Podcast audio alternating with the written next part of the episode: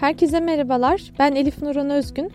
Edebiyat Pod'un 9. bölümüyle karşınızdayım. 9. bölüme geldiğimiz için çok mutluyum. Resmen bir sonraki bölüm 10. bölüm olacak. Yani benim böyle 5, 10, 15 gibi hani takip eden sayılara karşı bir ilgim var.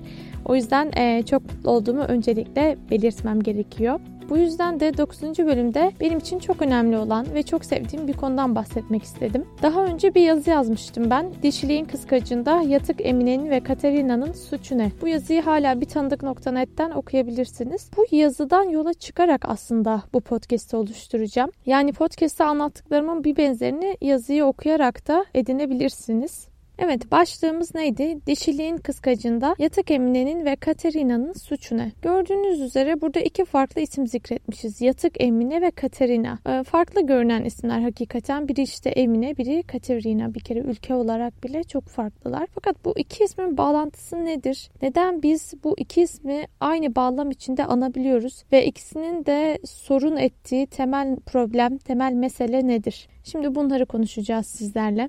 Hepimiz biliyoruz ya da en azından tahmin edebiliyoruz ki ilk yaratıldığımız günden bugüne bizim böyle bir Rabliğe özenişimiz var. Yani ne anlamda söylüyorum? Terbiye etmek anlamında söylüyorum. En baştan bugüne kadar efendiler kölelerini daha e, dönemin şartlarına göre kendini üst ırk olarak addeden ırklar daha aşağıda olduğunu iddia ettikleri ırkları ya da şu anki günümüzde patronlar işte çalışanlarını, ustalar çıraklarını, anneler çocuklarını eğitiyor ve terbiye ediyor. Bu insanların her zaman için çok sevdiği bir şey. Çünkü bir noktada terbiye etmek demek senin karşıdakinden daha üstün olduğun anlamına geliyor. Tabii ki bunu cinsiyetler arasında da kurabiliriz. Hatta cinsiyetler arasında kurduğumuz bu terbiye etmek ve terbiye edilen olmak ilişkisi bu bağlamda işimize en çok yarayan örneklerden biri olacak.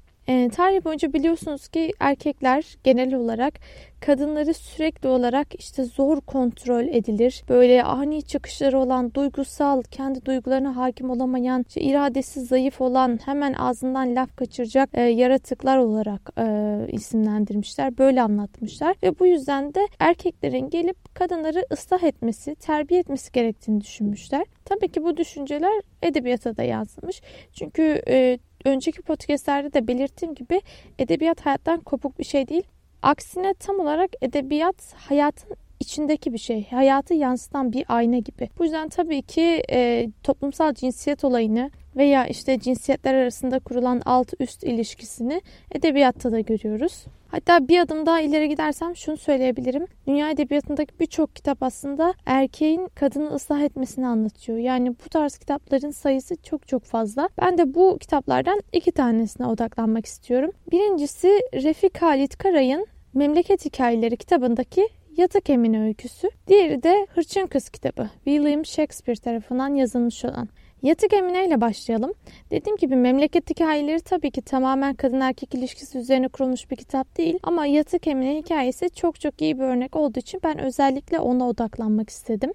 Yatık Emine hikayesinde şöyle hızlı bir özet geçersek şöyle anlatabiliriz. Şimdi şöyle ki Yatık Emine diye bir ana karakterimiz var ve bu ana karakterimiz kitapta anlatıldığı kadarıyla uygunsuz takımına mensup. Yani işte gittiği yerlerde işleri karıştıran birisi olduğu söyleniyor. Bunun temel nedeni de Yatık Emine'nin e, çok güzel gözleri olması ve bu gözlerin e, işte ona bakan erkeklerde e, ne denir yani ona bakan erkekleri tırnak içinde daha amiyane bir tabirle tavlıyor olması. Yatık Emine gerçekten çok kötü bir kadın olarak görülüyor. Hatta o kadar ki yaşadığı şehirden, kasabadan sürülüyor ve başka bir kasabaya gönderiliyor. Kitapta biz Yatık Emine'nin bu yeni kasabaya ulaşmasıyla başlıyoruz. Bu ulaştığı kasabada gerçekten Yatık Emine ile tam bir kontrast içinde.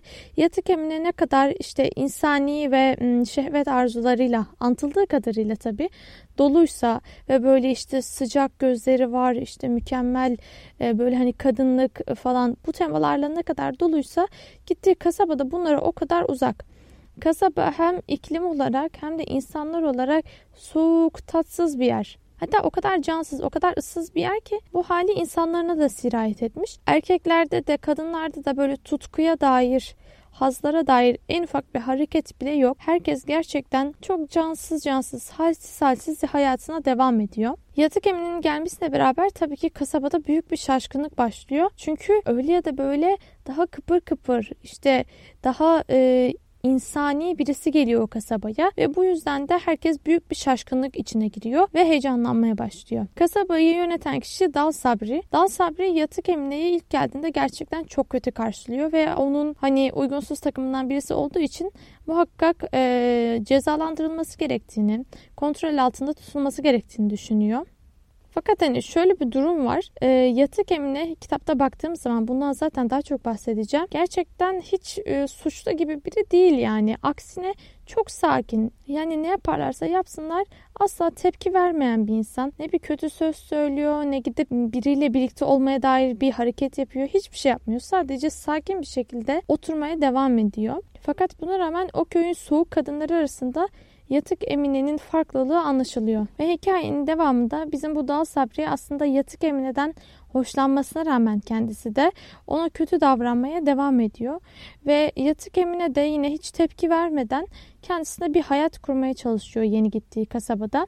Hatta bu kasabada birisiyle tanışıyor. Gürcü Server. Gürcü Server bu kasabada yaşayan, e, baktığın zaman hani kötü bir davranışı, huyu olmayan bir insan ve gerçekten yatık emine aşık oluyor. Onunla birlikte olmak istiyor. Birlikte de oluyorlar. Gayet kendilerince güzel bir hayat inşa ediyorlar. İşte bir ev buluyorlar. O evi e, kendileri döşüyorlar bir şekilde. Gürcü server çok çalışıyor. Emine'ye yemek getiriyor, yatak alıyor, perde alıyor ve bunun sonunda gerçekten böyle bir ev hayatı yaşamaya başlıyorlar. Yatık Emine'nin de Gürcü serverinde kimseye zarar yok. Ama yine de Yatık Emine'nin kötü bir kadın olduğunu düşünen köy halkı bu ilişkide de gayri ahlaki bir zemin arıyor ve onların hayatını da yine berbat ediyorlar ve Yatık Emine'yi soğuk bir odada tek başına hapsediyorlar. Kitabın sonunda yatık Emine'nin bu odada soğuklar içinde öldüğünü görüyoruz. Yani bu noktada şunu söyleyebilirim. Emine sessiz sakin hatta e, ezik bir halde bir noktada kendi kaderine razı oluyor. Fakat yine de dayak yiyor. İşte kasaba halkı tarafından hor görülüyor. E, hatta kitapta şöyle bir yer var. Hayvanat bahçesinde gibi sanki Emine'yi koyuyorlar bir yere. Tüm köy halkı gelip tek tek onu inceliyor. Bu şekilde bir muameleye bile maruz kalıyor. Bu neden peki? Çünkü Emine e, kendi içinde kadınlara hasredilen ve gerçekten çok e, bir noktada kötü bulunan işte cinselliği taşıyor. Yatık Emine bu şekilde. Peki Shakespeare'in kitabı nasıl? Hırçın Kız kitabı. Öncelikle bu kitabın adından bahsetmek gerekiyor. Çünkü Türkçe'ye çok da iyi bir çeviriyle çevrilmemiş ismi. Kitabın orijinal adı The Taming of the Shrew. E, şirret kadının terbiye edilişi diye çevirebiliriz. Bu kitap e, birçok yayın evinden Hırçın Kız olarak çevrildi. Ama açıkçası ben e, geçenlerde gördüm. Emin değilim hangi yayın evi ama şirret evcilleşmesi diye basılacağına dair bir şeyler duydum. Son durumu nedir bilmiyorum. Bence kesinlikle daha iyi bir çeviri bu. Hırçın kız da adı üzerinde aslında bir noktada öfke duygusunu e, yansıtan bir kitap. Yani şunu söylemek istiyorum. Nasıl yatık Emine cinselliğe sahipse Hırçın Kız'daki Katerina da öfke duygusuna sahip. Öfke de yıllardır hatta yani yüz yıllardır kadınlara hasredilen bir duygu. Nasıl şöyle yani tabii ki erkeklerde de öfke var ve erkeklerin öfke kontrolü daha zor gibi söylemler var ama e, öyle ya da böyle özellikle e, aylık özel dönemlerinden dolayı öfkeli olmak, hırçın olmak, bir şeyleri alıp yere fırlatmak, işte bu özelliğinin düzeltilmesi gerekmesi. Bunların hepsi kadınlarda anlam bulan tanımlar. The Taming of the Shrew'da Katerina ve e, Bianca diye iki karakterimiz var. Bu iki karakterde de şöyle bir şey görüyoruz. Bianca böyle işte çok güzel bir kız, çok itaatkar bir kız. Hani iyi bir hanımdan neler beklenirse öyle birisi. Ve küçük kardeş. Büyük kardeş olan Katerina ise tam tersi gerçekten. Böyle fırtına gibi esen, her şeye itiraz eden, sesini hiç alçaltmayan, böyle fiziksel olarak da biraz daha çirkin olan Katerina var. Bianca tabii ki toplum normlarına fazlasıyla uyan bir insan olduğu için e, evlenmek istiyor ve sevdiği birisi var, sevdiği bir erkek var. Bunun sonucunda gidip babasına bunu açıklıyorlar. Fakat babası Bianca'nın evlenmesini istemiyor ve işleri zorlaştırmak adına şöyle bir şart koyuyor. Önce ablan Katerina evlenecek. O evlendikten sonra sen ancak evlenebilirsin. Bunun üzerine Bianca ve onun sevgilisi bin bir türlü oyunlar çeviriyorlar. Yani türlü Ali Cengiz oyunları. Oraları çok detaylı anlatmaya gerek yok. Ama nihayetinde Katerina ile evlenmek isteyecek sadece bir kişi bulabiliyorlar. Bu kişinin de onunla evlenmek isteme amacı Katerina'yı evcilleştirmek. Katerina'nın hakkından gelmek istiyor oluşu. Bu adamın adı Petruccio.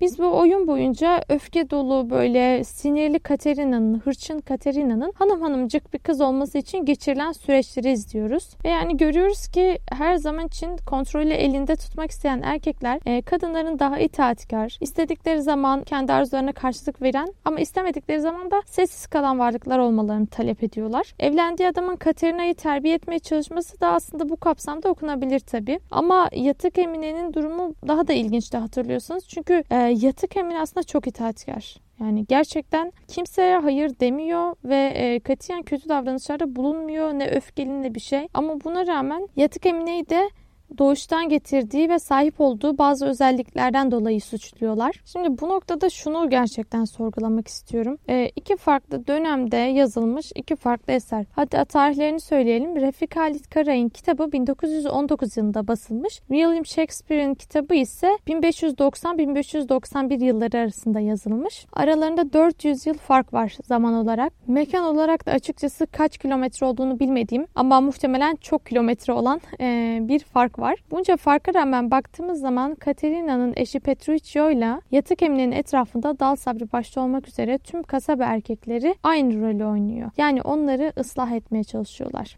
Bu tartışma hem sinemada hem politikada çok farklı farklı alanlarda konuşulabilecek bir tartışma. Çünkü genel olarak her zaman erkeklerin kendini daha üst konuma konumlandırdığı ve kadınlara akıl verdiği bir dünyadayız. Zaten işte mansplaining denilen bir tabir var ya son zamanlarda sosyal medyada da popülerleşti. Yani bir erkeğin e, sadece karşıdaki kişi kadın olduğu için kendisine ondan daha bilgili atletmesi ve belki kadın kendi uzmanlık alanında konuşuyor olsa bile kadını işte sen bilmezsin yok efendim sen anlamazsın gibi ithamlarla sözlü ya da farklı şekilde taciz etmesi. Bu podcast yapma amacım aslında okuduklarımız üzerinde hepimizi bunu düşünmeye çağırmak. Çünkü kurgu erkek ya da gerçek hayat erkeği çok da fark etmiyor. Gerçek hayattaki erkeklerin tavırları nasılsa kurgudaki erkeklerin tavırları da onu taklit ediyor. Umarım bu konu üzerine hepimiz kafa yorarız ve bu iki kitabı da okuruz. Edebiyat Pod'u dinlediğiniz için çok teşekkür ederim. 9. bölümün burada sonuna geldik. Sorularınız, yorumlarınız veya önerileriniz için sosyal medya adresimden bana ulaşabilirsiniz. Hepinize güzel ve kitap dolu günler dilerim. Hoşçakalın.